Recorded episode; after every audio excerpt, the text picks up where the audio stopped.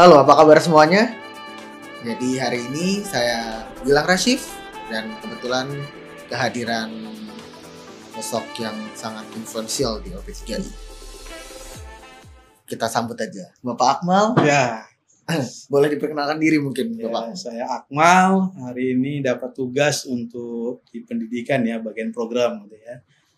Menyusun program di LP3I. Oke. Pak Akmal udah berapa lama Pak di LP3I? Saya di LP3I di 2001 ya. 19 tahun. Ya, 2001, adik saya lahir tuh. Pak Akmal, eh, satu kata yang menggambarkan LP3I menurut Pak Akmal apa? apa ya? Kalau LP3I satu kata kerja. Kerja. Oke. Nah, tadi bahasa-basinya udah ya. Sekarang kita masuk ke pertanyaan pertama. Menurut Pak Akmal, vokasi itu apa sih? Ya, vokasi itu keahlian. Jadi gimana kita bisa menjadi ahli di pendidikan gitu ya. Pendidikan yang membuat kita bisa menjadi ahli. Nah, gitu. sederhananya begitu deh. Oke. Nah, kalau misalnya kita udah bisa menjadi ahli, kita berarti apakah jenjangnya itu beda dengan eh, pendidikan akademik atau seperti apa, Pak? Ada Ya. perbedaan atau gimana jalur Jadi pendidikan? kalau dia pendidikan akademik itu kan keilmuan ya, dari mulai sarjana eh, sampai ke doktor. Kalau keahlian itu dari mulai diploma 1, 2, 3 sampai sarjana terapan, magister terapan dan dokter terapan. Itu jenjang di kita. Dan ini eh, masing-masing punya kontribusi di dunia kerja.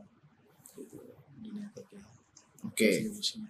Ini ntar mungkin di depan muka kita bisa dilihat ada eh, poster KKNI Ya. kali ya. Jadi biar jelas tuh. Ya, itu kaitannya ya kalau kalau Indonesia kan ada namanya kerangka ku- kualifikasi nasional Indonesia, bagaimana pendidikan eh, KKNI tadi dengan dunia kerja dan level di mana sih level eh, kita gitu ya, level kita yang kalau LP3 itu kan dari mulai diploma 3 dan sarjana terapan. Mm-mm. dan posisi kita di perusahaan itu di mana?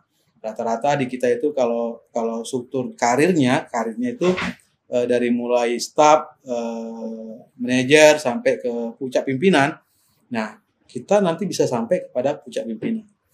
Gitu. Jadi berkarir ya semuanya kan berkarir dari bawah. Tapi ilmu kita sudah memadain untuk berkarir sampai ke puncak karir di perusahaan jadi nggak mentok di satu sisi saja dan kalau kita belajar di LP3I ilmunya itu bisa memposisikan diri kita sampai ke puncak karir di perusahaan.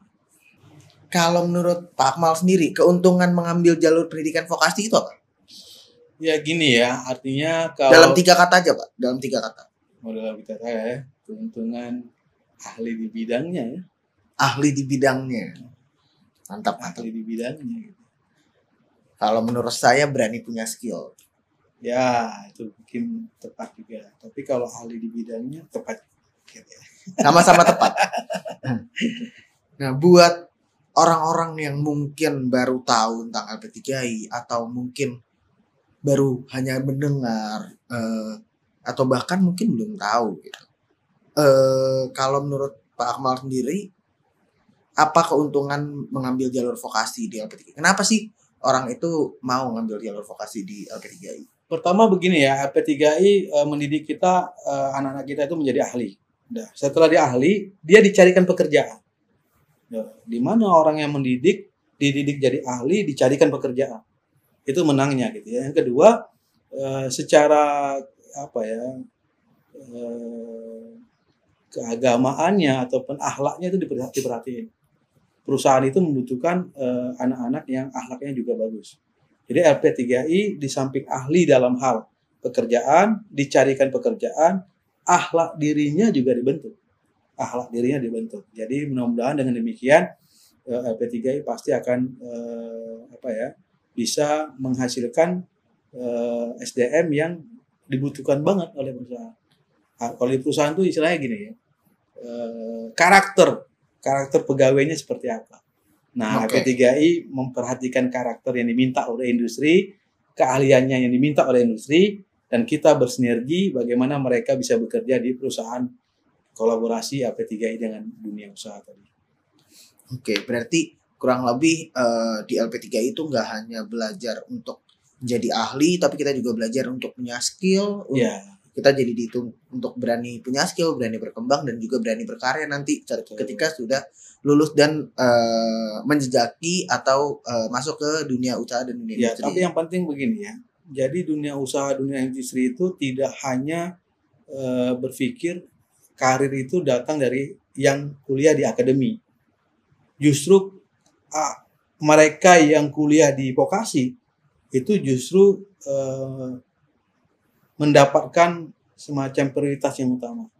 Karena udah terbiasa sama Udah, udah profesionalitasnya sudah dites, Iya, iya. mungkin eh, sudah eh, biasa untuk ngobrol sama atasan, Iya. sama tim member, Betul, betul, gitu-gitu betul. ya pak ya. Jadi perusahaan merasa dapat keuntungan kalau dia nerima SDM dari Vokasi. eh, vokasi karena itu udah didik.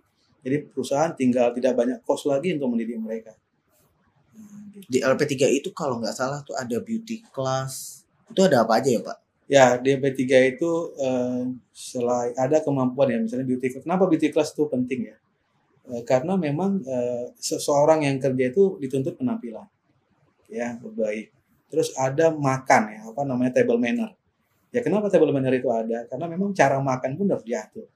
Karena memang terbiasa di kantor berhadapan dengan banyak orang yang seperti itu diatur.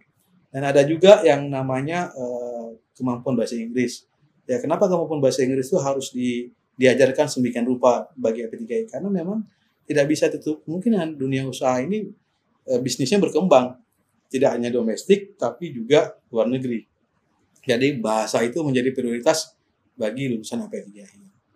Terus selain itu ya tadi akhlak ya eh, karakter yang juga akan diprioritaskan untuk menjadi karakter yang lebih baik ke depan dan industri pasti sangat membutuhkan anak-anak yang berkarakter tadi, yang punya punya eh, sisi keagamaan dan eh, itu memadai karena kalau perusahaan tidak menerima, menerima pegawai yang karakter bermasalah itu merugikan perusahaan. Oke. Jadi sebenarnya kalau Anda masuk LP3I, Anda dididik, itu menguntungkan bagi perusahaan. Maka kenapa banyak eh, perusahaan yang mau bekerja sama dengan LP3I? Karena LP3I menghadirkan sebuah prinsip pendidikan yang seperti itu. Nah sekarang kuncinya siapa? Kalau LP3I sudah memberikan fasilitas ini sedemikian rupa, nah eh, masyarakat atau yang ingin meningkati pendidikan LP3I seperti apa komitmennya, motivasinya gitu loh. Jadi eh, tergantung cara berpikir eh, masyarakat melihat karir ke depan. Jadi kan gini ya, masuk di akademi kuliah atau di vokasi di LP3I, karir ke depan itu kan harus ditata. Nah, yang paling mendekatin siapa nih dari dua pendidikan ini ke dunia industri?